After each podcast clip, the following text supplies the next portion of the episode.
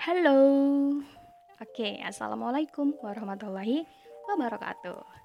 Selamat pagi, selamat siang, selamat sore, dan selamat malam untuk teman-teman hebat yang mendengarkan podcast ini.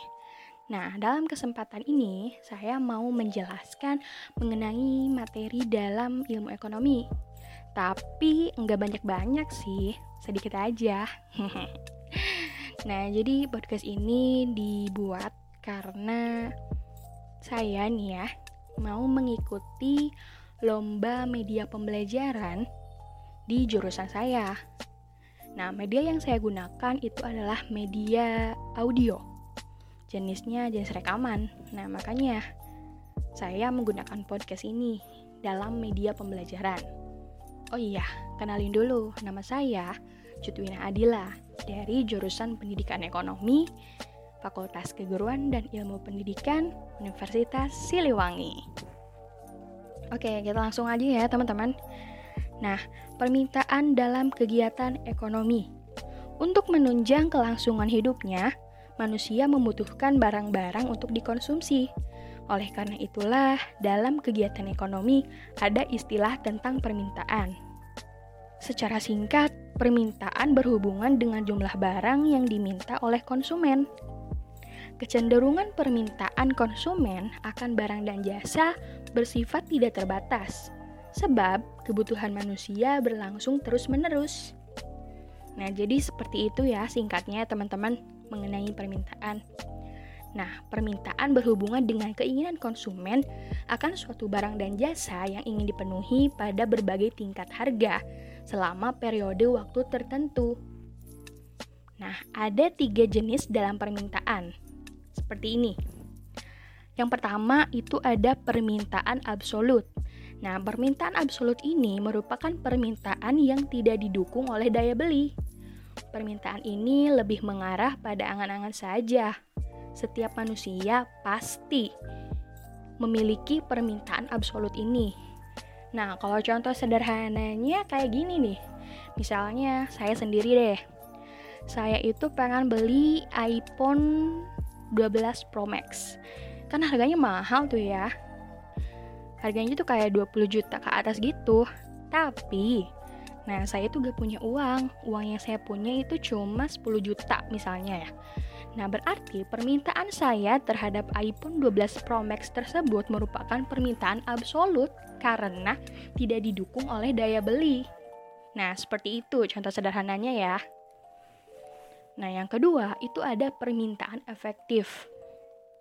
Kalau permintaan efektif ini adalah permintaan akan suatu barang yang disertai dengan daya beli. Nah, jadi permintaan ini tuh kayak seimbang lah ya gitu. Jadi antara keinginan dan kemampuan itu ada gitu, seimbang. Misalnya gini, saya pengen beli sepatu sneakers ya. Nah, dengan harga 200 ribu, saya bisa beli sepatu itu dan saya mau. Akhirnya saya beli. Jadi saya mau beli sepatu dan saya juga bisa. Saya punya uangnya gitu.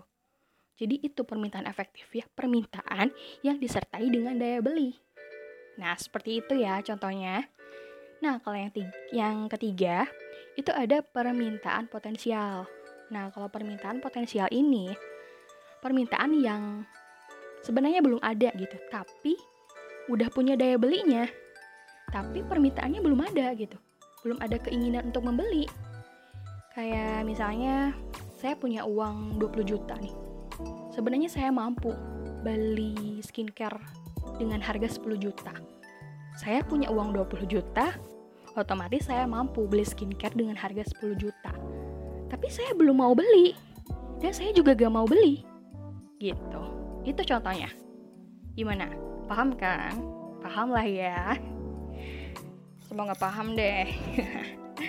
nah, oke, jadi selain jenis-jenis permintaan, ada juga faktor-faktor permintaan. Yap, betul banget. Setiap permintaan yang dilakukan oleh konsumen tentunya dipengaruhi oleh beberapa faktor. Yang pertama itu harga barang itu sendiri. Apabila harga suatu barang semakin murah, maka permintaan terhadap barang tersebut akan bertambah. Dan begitu juga sebaliknya. Oke, itu yang pertama. Yang kedua, tingkat pendapatan. Tingkat pendapatan dapat menjadi acuan untuk melihat kemampuan daya beli masyarakat. Semakin tinggi pendapatan, maka daya beli akan semakin kuat, sehingga permintaan terhadap suatu barang akan meningkat pula. Dan yang ketiga, itu ada selera masyarakat. Faktor penentu permintaan yang paling jelas adalah selera konsumen atau selera masyarakat. Contohnya seperti ini. Apabila seseorang lebih menyukai barang bermerek, maka permintaan terhadap barang bermerek akan tetap tinggi meskipun harganya mengalami kenaikan. Nah, yang keempat ada intensitas kebutuhan konsumen. Faktor ini berpengaruh terhadap jumlah barang yang diminta. Kebutuhan terhadap suatu barang yang sifatnya tidak mendesak akan menimbulkan permintaan masyarakat terhadap barang tersebut rendah. Seperti itu. Nah, begitu juga sebaliknya. Apabila kebutuhan terhadap barang tersebut meningkat, maka permintaan juga akan meningkat. Dan yang selanjutnya, harga barang lain. Nah, apabila penurunan harga suatu barang menurunkan permintaan terhadap barang yang lain, maka kedua barang tersebut bersifat substitusi. Di sisi lain, apabila penurunan harga suatu barang meningkatkan permintaan barang yang lain, maka kedua barang tersebut bersifat komplement. Nah, yang selanjutnya, perkiraan keadaan di masa mendatang. Oke, faktor ini juga dapat mempengaruhi permintaan konsumen terhadap barang dan jasa. Misalnya, Apabila konsumen berharap dapat memperoleh pendapatan lebih tinggi bulan depan, maka konsumen akan bersedia untuk membelanjakan sebagian tabungan saat ini untuk membeli sebuah barang. Seperti itu. Nah, itu faktor-faktor permintaan. Nah, ada juga nih hukum permintaan. Dalam buku teori ekonomi mikro tahun 2009 karya Eeng Ahman dan Yana Rohmana dijelaskan mengenai hukum permintaan adalah Apabila harga suatu barang naik, maka jumlah barang yang diminta akan turun. Berlaku sebaliknya, apabila harga suatu barang turun, maka jumlah barang yang diminta akan bertambah. Hukum tersebut akan berlaku dengan asumsi bahwa faktor-faktor lain di luar harga harus dianggap konstan atau dalam istilah ekonomi itu dikenal dengan ceteris paribus. Oke. Nah, teman-teman jadi itu ya hmm, materi singkat mengenai permintaan dalam kegiatan ekonomi. Mohon maaf atas segala kekurangannya. Terima kasih. Assalamualaikum warahmatullahi wabarakatuh. Sukses terus.